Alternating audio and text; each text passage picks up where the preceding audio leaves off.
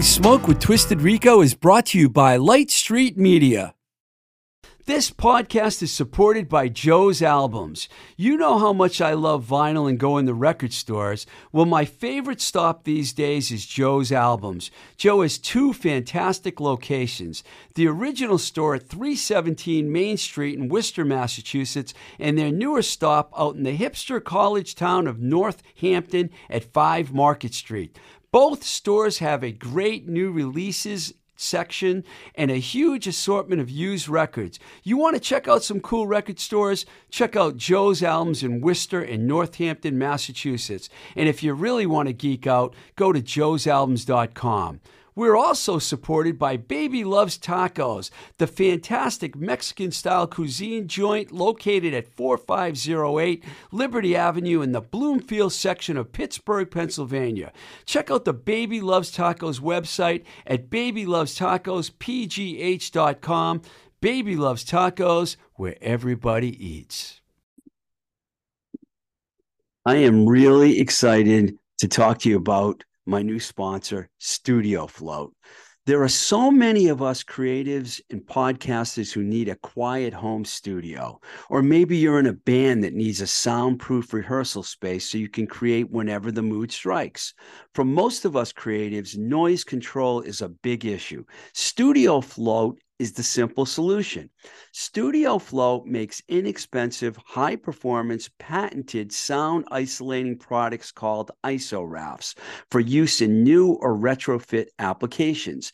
Studio Float ISO rafts completely isolate floors, walls, ceilings, creating a truly floating shell within a shell while preventing sound transfer to and from one space to an adjacent space. Visit studio-float.com for details and assistance with designing your project. Use the code Blowing Smoke 10 in the online order form and you'll get 10% off your order. Studio Float, life is loud, float above the noise. That's studio-float.com. I guess I'm just a little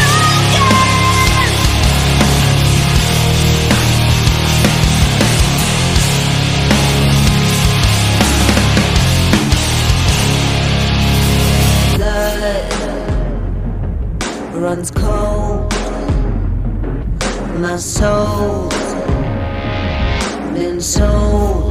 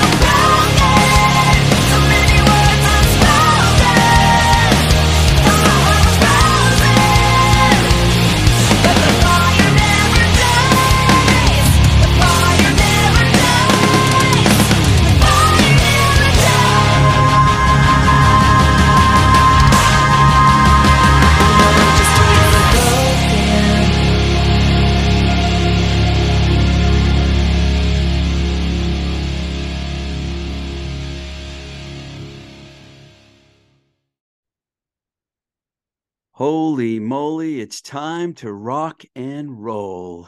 Welcome to Blowing Smoke with Twisted Rico.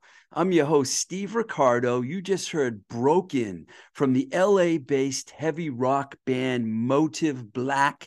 And today we're going to play you an interview we did with Motive Black singer Alana Justin, who took her rock and roll dream to LA from New York a few years ago, got signed to AFM Records, and now has a great debut album called Auburn, which is loaded with great songs and great performances. It did take us a couple of tries to get the interview done because of the crazy weather they're having on the West Coast, which, coast, which was wacky for a while. Uh, but we finally made it happen. So please stick around and stay tuned for that interview, which will pay play, which we will play. you won't have to pay for it. We're going to play for it shortly. Play it shortly. Okay, I'm just leaving this in here. No editing. All right. So I haven't talked about the Rock and Roll Hall of Fame in a while, unless I want to diss them for one reason or another. And yes, I did send my 2023 ballot in, of course, because I vote every year. There were some tough choices on the ballot this year to be made. And of course, I'm going to share my choices with you right now. So here are the five artists that I chose for induction. Number one it was easy for me to check off the box that said Joy Division slash New Order. Just as I was unhappy that the faces and the small faces got lumped in together and, and inducted together, you know, they did the same thing with Joy Division and New Order. Uh, yes, it's true that the three remaining members of Joy Division formed New Order following the death of Ian Curtis, but please, these are two different bands and both are worthy of their own limelight. So why not give them their own limelight? But no, no, no. That's not how the Rock and Roll Hall of Fame did it. Okay. That was number one, Joy Division and New Order. Number two, Iron Maiden. With Sabbath and Priest both in, it was definitely time for Maiden. In fact, they should have been indu- inducted a long time ago, but you know, sometimes it takes them a little while to get that over there in Cleveland, Ohio if that's where they're doing the voting. I'm sure they're probably in LA or New York, but someone's hanging out in Cleveland. Number three, very easy choice. It was about time they put the excitable boy in, and I voted for him, Warren Zevon. So please, if you haven't voted yet, show a little respect to Warren Zevon because he deserves to get in. My next two choices are a little more, you know, recent, but I feel like they're worthy. Soundgarden, number four. Now, Nirvana and Pearl Jam are both in, and now it's Soundgarden's turn. It's just too bad that Chris Cornell's not around for this because it's something he definitely deserves. And number five, it's true that I worked at A&M Records with both, you know, when both Sheryl Crow, who I picked at number five, and Soundgarden were there.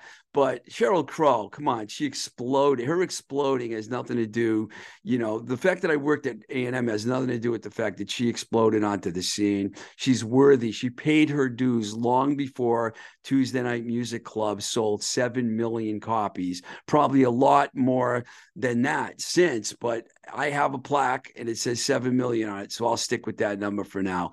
Now, there were some other nominees, excuse me, on the list that definitely deserved some you know, traction and they'll probably get it. Willie Nelson, Cyndi Lauper, Kate Bush, Tribe Called Quest, any of them could get in. The White Stripes and Rage Against the Machine, I think they could, they'll get in eventually, but I think that, you know, let's like let them wait a little longer and let's get some of the people in that haven't gotten in there. And just for the record, I put together a list here of some of the artists that are not in the Rock and Roll Hall of Fame. And this is only a partial list, mind you, um, that I combined just to make a point. Okay. Because I get a little frustrated sometimes when I when I look at this list and I can't figure out why some of these people are not in. So I'm just gonna lay it on you right now. Bad company. Bad company. Come on. You know, they didn't have enough hit songs for you guys in Cleveland.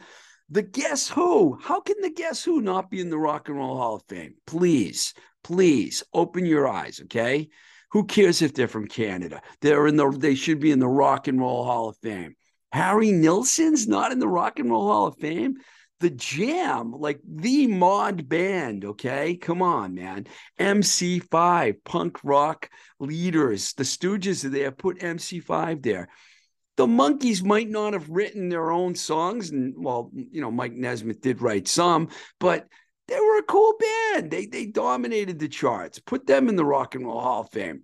The new york dolls. Where were you guys in 1970 71 72 when the dolls were ripping it up?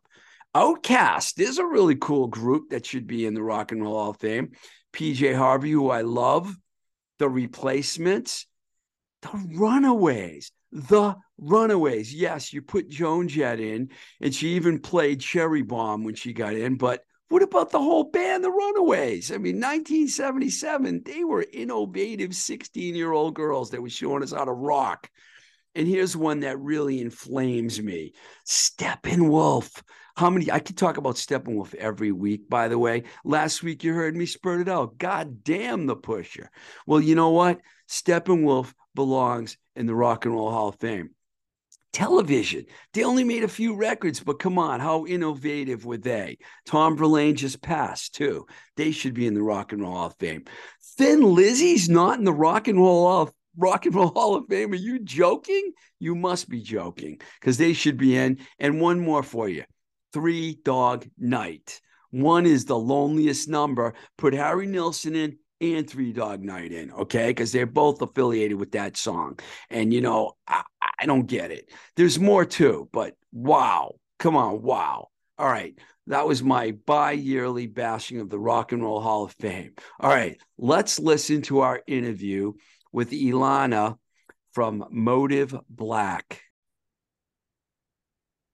Here we go, round two.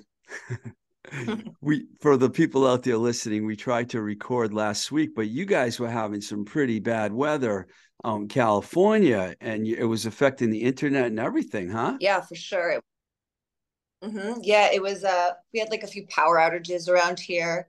I, I think California's just not prepared for this much rain. I mean, it was hailing here a week ago. So crazy. It's kind of good though, I think, because they've been saying that it's been so dry out there for so many years. Now you guys, it went from one extreme to the other. Is that what happened? I I don't know. I mean, we've needed water for a while. It just got a little crazy this year. Um, I know uh, there was a bit of flooding and stuff like that. And since I've lived here, I haven't really experienced that. I've been here for like about four and a half years now. Just a wild, a wild weather season. Yeah, it doesn't really rain. I lived there for 14 years and I think I was there for a year and it rained once the first year I was there. So it's crazy. Um, you know, congratulations on the new album, um, Auburn, which just came out in February. And um, and before we talk about that, I wanted to talk to you about growing up in New York. I know that you grew up in Long Island. Uh, what was that like growing up out there? Um, I really loved growing up on Long Island. I have a really uh, big family, so I had like 15 cousins on my block. Um, so that was pretty awesome. I didn't feel the one thing I thought was lacking, especially where I lived on Long Island, was there weren't a lot of like people that didn't like everyone was sort of the same, Really? which was sort of boring. Like I, I kind of felt like an outsider a lot there, but it was a great place to grow up. I have an amazing family, and um, yeah, I, I'm I'm lucky to have spent time there. I don't think I will live there again, but um, I like to go back and visit. I have a lot of great friends there. I remember last time we talked, I told you said you were from Great Neck, and I said that I had an ex girlfriend from Great Neck, and I think you said something like everyone does. Yeah, I feel like everyone has an ex girlfriend from Great Neck. I, I get that response a lot from people. Now you, you eventually moved into Manhattan, right? Mhm. To go to school. Yes. I- Well, I- moved to Philadelphia for a year for school, and then I moved to Manhattan for school after that. And I was in Manhattan for years, um, all over, like the East Village a lot when I was younger. And then most recently, I was living in Harlem before I moved over here. I used to live on uh, 10th Street in between First and Second. Oh, nice. I was on 12th and 2nd for a long time. Oh, that you know that neighborhood's awesome. It's changed a little. I was there in like the late 80s, so it's a little different A little now. di- But even even now, like it keeps every time I go, um, it's significantly different. So So when did you actually start listening to music and what were some of like your early influences as far as music go?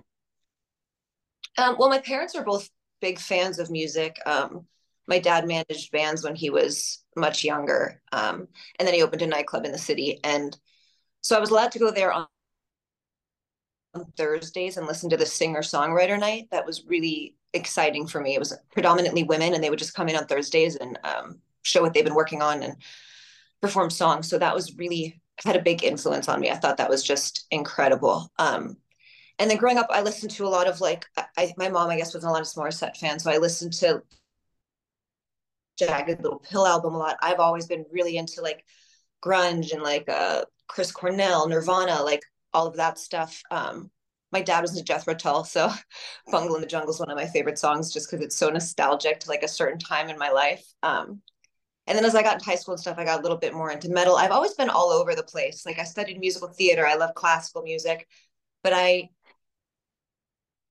always use heavier music as a way to like release emotion. And I think that's why it's so fun to write within that genre. When you started getting into metal, was it like traditional metal or did you get into the more American thrash speed scene or with like Sabbath or um, Maiden or the or Metallica or Slayer, Slayer or Anthrax or Um, so I I think my first like my parents are not they don't listen to any metal. Um, so the first stuff I was into was like when I was young and like the 2000s nu metal stuff, and then from there I started to listen to other kinds of bands like um like 80s metal, you know, um everything all over the place. I think it definitely started with nu metal though and then now uh, as i progressed and wanted to explore more i mean sabbath is one of the best i, I love listening to ozzy it's just so theatrical. And i think that also probably drew me to metal also is that's very much like theater. It's this extreme version of everyone you know but then it still has this through line that especially as like a teenager and young adult you really connect to because there's so much like drama and passion and nothing is easy.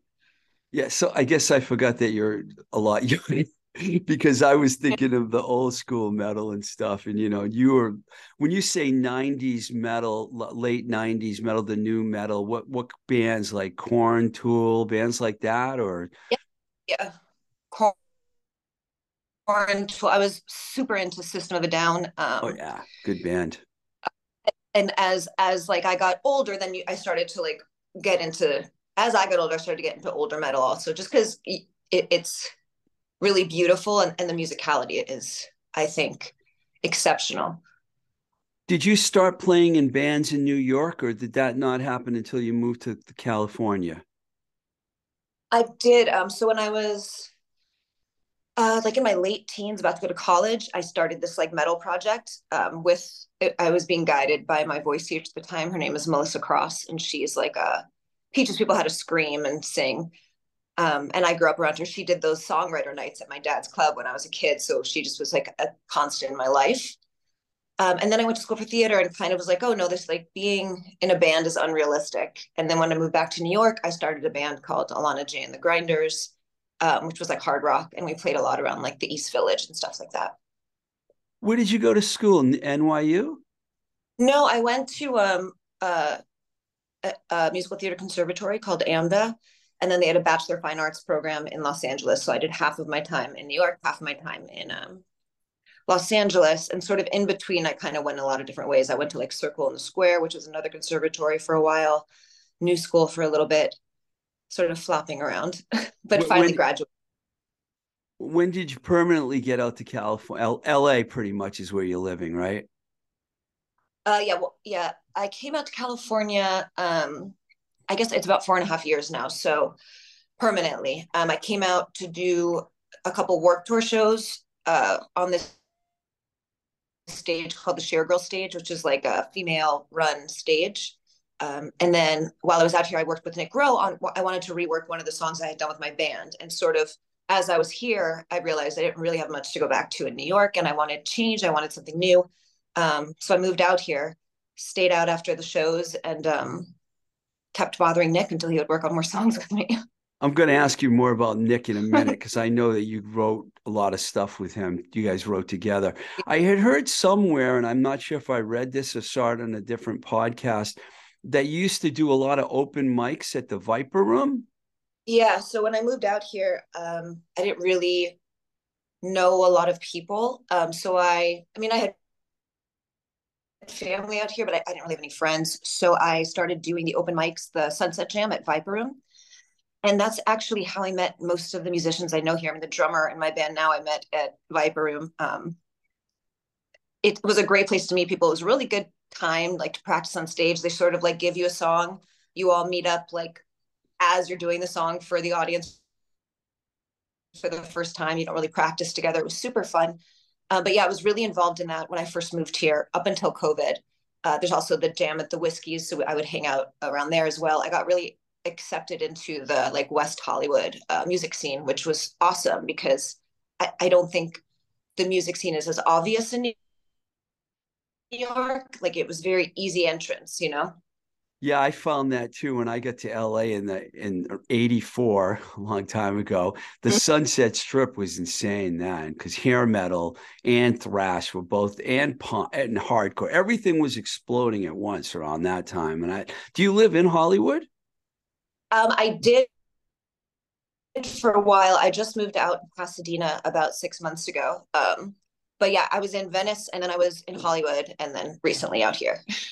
I used to live on the Marina Peninsula. I love that neighborhood. I was out there in May. I love California. I miss it a lot. Um, did, great. did- I'm sorry. I said it's great, especially when the weather's cooperating. Yeah, yeah, it's unusual that you're having this kind of weather. That's why I asked asked you about it. Did the people that you ended up playing with, did you meet? You said you met a lot of musicians at the Viper Room. Are those the guys that you ended up playing with and recording with? Um, so recording, no. Recording is Nick Rowe on most of the instruments. Then I have uh, Ray Luzier on drums for like six songs and um, Marcos Curiel added to Broken. Um, so no, I, I the whole project was a collaboration between Nick Rowe and myself. As far as what getting the band up and running, yes, it's uh, friends of mine that I have met through the jams or just like being around the Sunset Strip. So you have a touring band that wasn't recording with you. It's a different band, basically. Okay. Um, so you named the album Auburn, and I read this about after your sister your your sister's beautiful auburn colored hair after she lost the battle with addiction. You said that her passing, and I quote, forced you to re-examine your life and make significant changes. Can you elaborate on that a little for our listeners as, as much as you want or as little as you want? Yeah, so um, my sister passed away, and I was living in New York, and it affected me deeply, as it would probably anyone. Um, and it made me really re-examine that I wasn't living the life that I wanted. It's like I, I was sort of just like surviving, and I wasn't really thriving. I wasn't really pushing myself. I wasn't experiencing things I wanted to experience. I was sort of like half alive mentally. So it made me make some really abrupt changes um, which heavily influences what the album is about. Um, It's Mhm. like about evolving and all the ugly, kind of dark parts that aren't really talked about when you do that. When you make a significant change in your life and evolve, it can be beautiful. The end is great, but the process of change is a roller coaster of just like chaos and regret and guilt, but also excitement and um, like mania. Like it just, was it instigated a huge change in my life and i think when someone you really care about passes away it forces anyone to re-examine what they want and how they want to live and how easily everything is just gone you know Yeah. Well, you mentioned Nick twice already, and I know he he wrote you wrote together, and um, he also produced the album. What's the process that you guys use? Did you write lyrics and he wrote the music, or did you go to him with songs and then he added on to the songs? it was all different um i mean predominantly i was lyrics and he was music and lyric and melody for me and but like we would each song came about in a different way. Like sometimes i would come up with like a, a song that i wanted to do.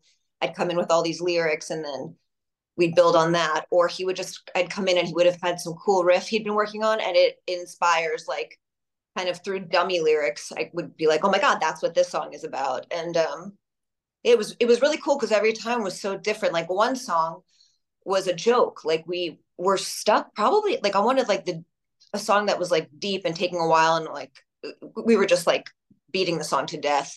We took like a, break just to chill and we were i was like joking about something and we came up with this melody and i won't say what song it is because i don't if it means like if it deeply touched somebody i don't want to like say it was because it wasn't but it did start as us just kidding around and this whole song was written in like two hours. Like sometimes they're sometimes they're super they flow out like it's like just easy peasy and other times you have to like kill your angels sort of like you're so deeply invested that you overanalyze everything you know When did you realize that Nick was the guy to write with? I mean, was it him that that said I'll write with you, or did you go to him pursuing him to write with you? I pursued him to write with me because so we were just going to work on one song and it was such a fun experience and I really didn't have any sort of foothold out here musically so I had met him I had worked with him I thought you know his work was amazing um and he was just fun to hang out with so I asked him to to keep working on songs and we came up with a plan and we did uh essentially an EP uh, before I even ever got signed. So that's what helped you get the deal with AFM. Yeah, we recorded um, like a live performance um, at SIR Studios and sent it out to some labels, and AF that's how AFM uh, heard about us. Yeah, they're a good label. German, they're in Germany, right? Yeah. Um, I just want to go back for a second because you kind of alluded to this. I was going to ask you how you assemble the musicians that played on the record, but I believe you said Nick played most of the intr- in- instruments and Ray Luzier came in on some of the tracks. So Nick played bass and guitar on all the tracks. So did you play any instruments as well? No, no. Uh, Nick is like I think sort of a musical genius. Like he plays everything, and he uh, is so nonchalant about it. um, and he has great ideas. Uh, but yeah, no, he was the main instrumentalist, and then we we just had Ray come in on six songs on drums, and Marcos added guitar to Broken, and then yeah, the only other contribution is uh, Carla on vocals for um, Lift Me Up. Yeah, I'm going to talk to you about that in a second because that's that's really something that track. Um, so so when he was doing the tracking, did you do like how did you record it? Did you do a like a a, a rough lot? How how would you do it with just the two of you? Did he do all Uh, the music first and then you just sang over the music? Sometimes, uh, sometimes it would just be like some of the songs were really broken down into little sections. Sometimes he would come in with a music track and I would sing over it. Um, it was funny because it was like the only time we used like a recording studio, uh, or like a, I mean, his he has a home studio, but like a recording studio was NRG for the drums, and that was really cool. But otherwise, it was like basically me yelling in his face in his garage studio, um, making this album. But um, yeah, it, it was sort of and actually a few of the songs we wrote as we went like we'd come in with nothing and it was really kind of like a learning curve because he's so fast he would come up with parts so fast and i'd have to come up with like a lyric and a line to go over it and it would be it was like at first kind of overwhelming. I'd be like i, I think i have to go home work on this for a few hours and he's like just do it now. Um, Did, did a lot of the lyrical content that you have come from your experience about what you went through with your sister? of course yes So you had probably a what a notebook with lyrics in it, and yeah, Yeah, I always have a notebook with just stuff that I'll write down. So whenever I go into a session, even if it's like working with somebody else someone I haven't worked with before, I don't even know what we're gonna do. I always have just a book of random, like just things I put together, things I think sound good, or thoughts that I have, and they're usually organized in a way that's like a little chunk of a song or a little like a piece of a verse or a. So I have something to at least use as like dummy lyric, and then sometimes even as you're just like playing with the song, like words start to form and it it, it takes on a different meaning. yeah, your songs are pretty deep for sure. um, now you have this one great, you have several great songs, but this this song "Lift Me Up" that you were talking about, which you um, which features uh, Carla Harvey from Butcher Babies, a band that's been around for a while. Uh, how did that all come together? Uh, let's talk about that first, and then I want to talk about the video that has a half a million views, that which must be blowing your mind. How Yeah. did you know Carla? No, I did not know Carla. My manager knew Carla, and um, he was at a dinner with her, and he and I had been talking about um, how it'd be cool to have a feature on this song, especially like a female feature. And we were kind of tossing around ideas, or we were even thinking like maybe it would just be it would be another musician. But then he was at dinner with her and a bunch of people, and he played the song, and she was down to hop on it. Um, and it was still pretty strict COVID rules then, so she actually recorded. I sent her the song, and she recorded her verse um, in Chicago. And then we talked Oh. on the phone, talked about like ideas and stuff. And then she, we met in person for the first time, um, shooting the video. And it was kind of, you know, with limited budget and stuff, you shoot video.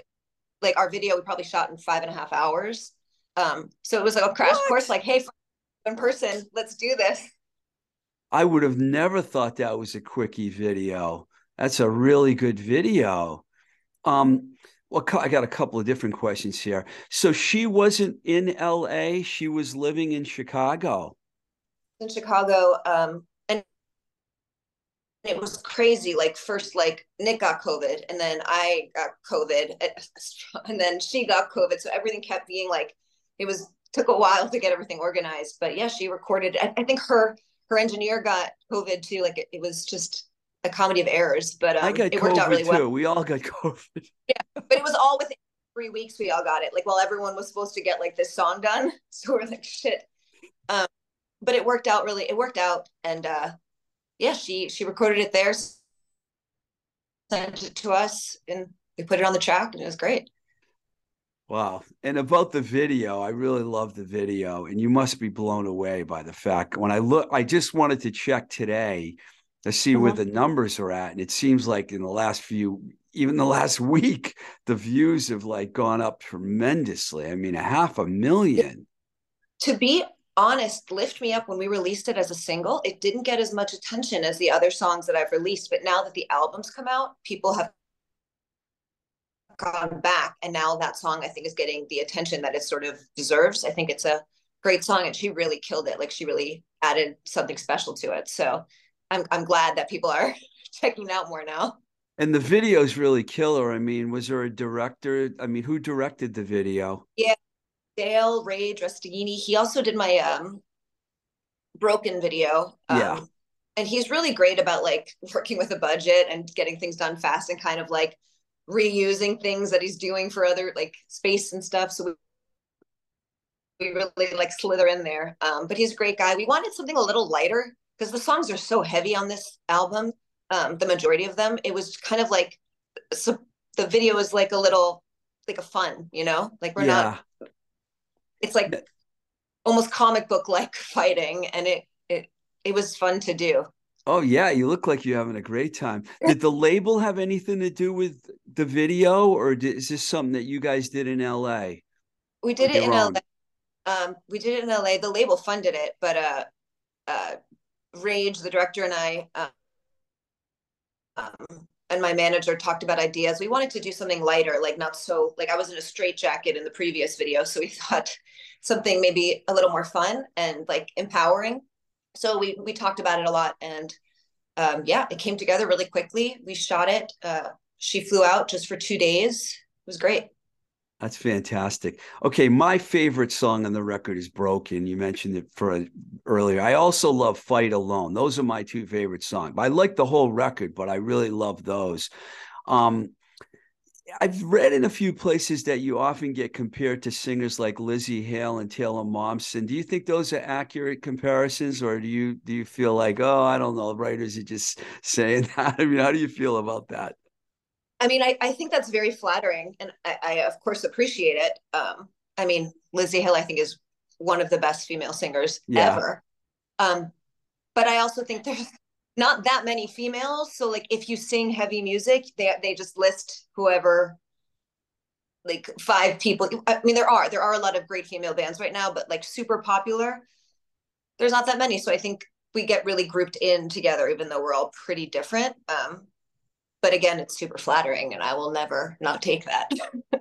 Yeah, I can understand how some people would think that you even come from like a Chris Cornell kind of like vibe, you know, you know, because sound. I mean, the music's not exactly the same, but or you you might be closer to the Halestorm than Soundgarden, but you might be somewhere in the middle because there is a commercial thing going on too, but it's heavy as well. Does that? Do you feel that way as yeah, well? for sure, for sure. And yeah, definitely. I mean, uh, Chris Cornell is one of my favorite musicians and singers. Um, I, I love, you know, I, I love him. Uh, I think he's great and just so inspirational. Um, so if you hear any of that, that's great. But yeah, like like I love that kind of music. Um, I, I think it's a great, it's super flattering and amazing to be compared to these like kick-ass women. But I think we also have to see that we are all very different. Um, Yeah. and it's very easy people to get together just because they're female. Do you see yourself uh, going on the road with artists like that? I yeah, that would be amazing. I would I would love to open for Halestorm. Um, like that would be a dream. Um, and of course, that's the vibe we fit into. I think we're a bit heavier. Um, but yeah, of course, I would I would lo- I mean I, I Halestorm live often. I think they're just incredible band. I want to go back to the label for a second. How did they?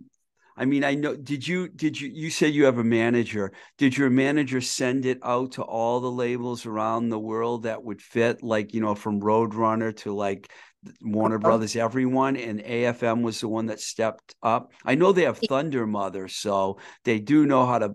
You know, they have other metal bands too, so they understand how to market it.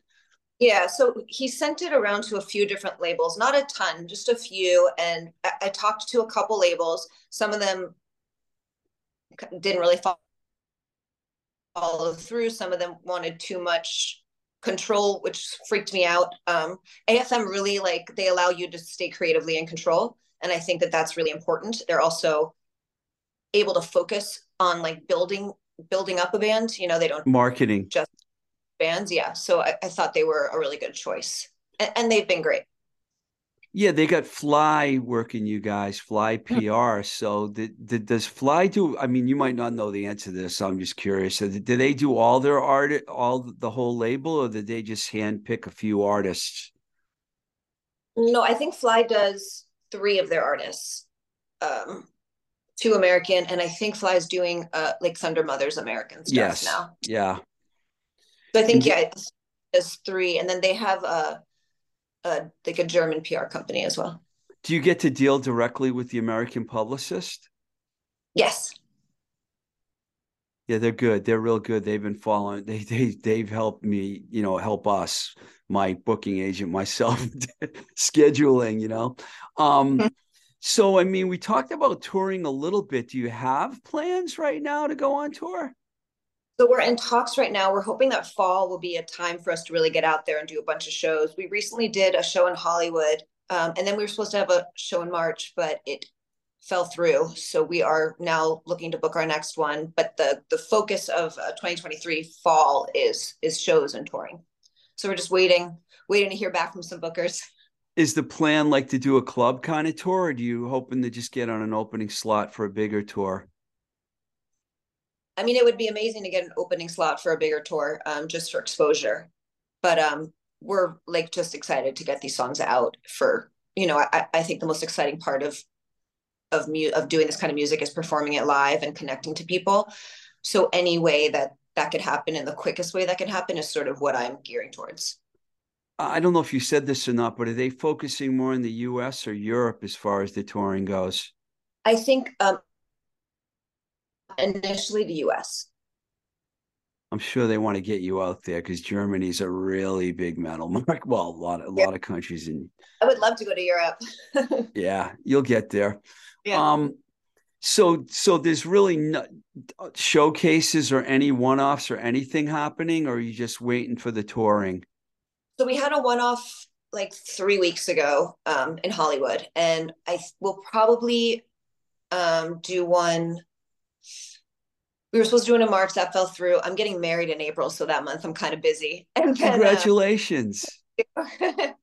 and then so hopefully um, May June we'll do some more um, local shows, and then hopefully get out and start doing more touring.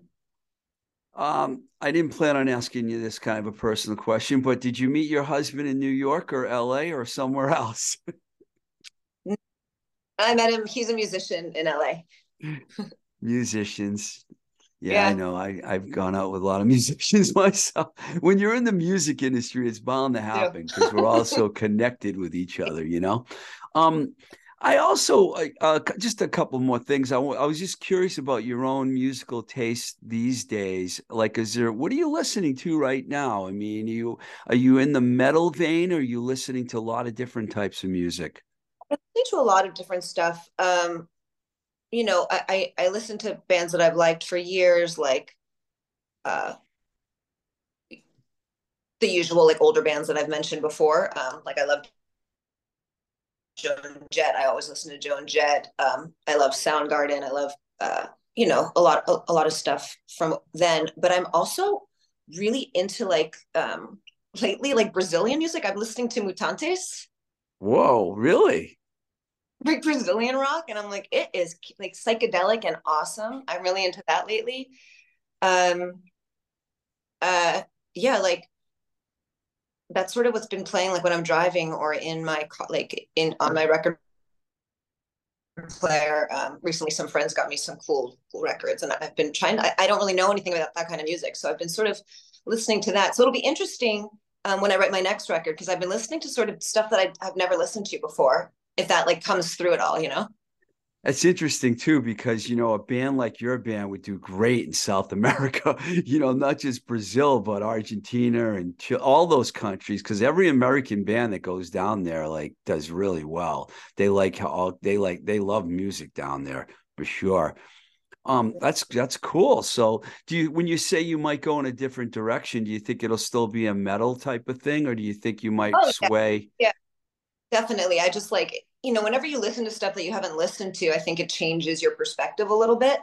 Um, so I, it might sound exactly the same, or it might just have like a little bit more of a psychedelic vibe. I don't, I don't know. But that's what I've been listening to lately, just being like, I've been really into also uh, like getting into meditation inward focus and things like this. So I love metal and I listen to it every day, but I've been sort of listening to stuff to sort of expand my mind a little bit or just change the way I think a little bit. And I think exploring other genres is really, really cool. Do you think you'll be working with Nick some more in the future? Yeah, I think so. I really love working with him. It's it's I think it's not the easiest thing to find someone that you collaborate really well with and work really easily off of. So I think that I, I hope we work on uh, the next album together. Um, and then depending on how it goes with my like touring band, maybe they'll want to have a little bit more of an input. Um, I'm open to that. So yeah, Are you guys practicing a lot with a new Uh-huh. band? Yeah. Yeah, we're in rehearsals. Um, we had to take a little break to find a a bass play, a new bass player, but um we're we're it's all coming together really well. It's really everyone gets along really well. It's a blast. Cool. Hey, thank, thanks a lot for taking the time to talk with us. And, uh, you know, I love your record. And when they approached me about talking to you, I was very excited. Your, your publicist, that is. So I appreciate uh, you coming on and, you know, good luck with this record. It's a really good record. I could tell by the response you're getting on YouTube and stuff that you're going to do well. So, Thanks so much. I appreciate your time. and good luck out there. I hope the weather stays good for you. Yeah. Thank you. Thank you. Bye. Bye.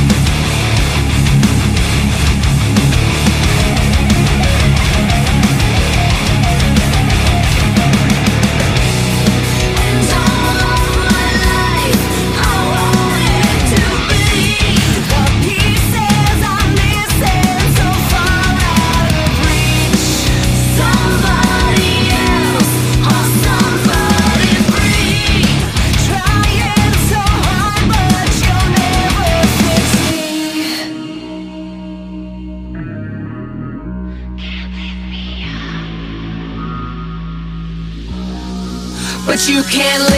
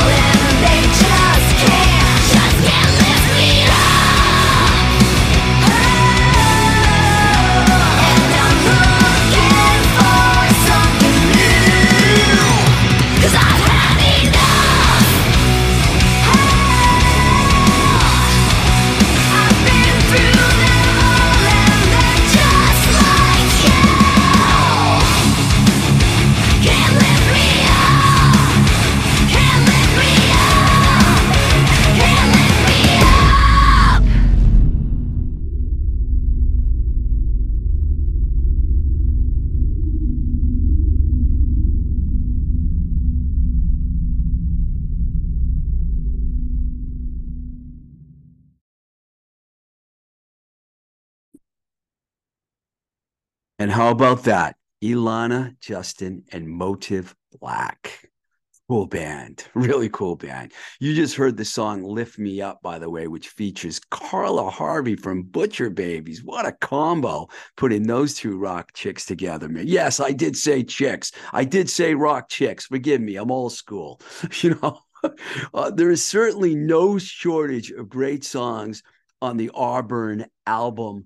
Motive Black definitely are a band to keep an eye on. And I highly recommend you checking out their new record. All right, just wanted to remind you folks that we have a Patreon account. If you want to support this show, I know you do. Go to patreon.com forward slash twisted rico, and you can reach me at any time, by the way, by email at twistedrico at gmail.com. If you have ever any questions or anything like that, feel free to reach out. Um, um, I answer everyone's email. Um, and by the way, we're also available on all the social media platforms. And I urge you to check out our YouTube page where you can actually watch the Zoom interview from this show that we did with Alana Justin, which is really good. I highly recommend it. Um, thanks again for listening. And let me remind you that if you go to studio float.com and use the code blowing smoke 10 in the online order form, you will get a 10% discount on your order. That's studio float.com. Use the code blowing smoke 10 and you'll get 10% off your order. Wow, that was a lot of fun. Okay, so till the next time we say goodbye. This is Blowing Smoke with Twisted Rico. I'm your host, Steve Ricardo. Keep the rock and roll alive. Blowing Smoke with Twisted Rico is brought to you by Light Street Media.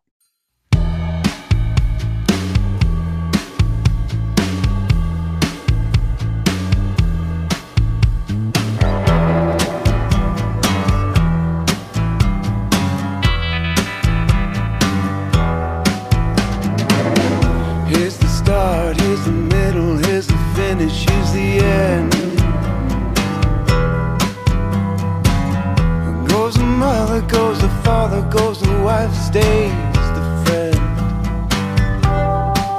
Got a bunch of cigarette burns in the back of my head. Bunch of cigarette burns in the words I've said. If I die tonight, or the hand inside, I know that I was never meant for normal life.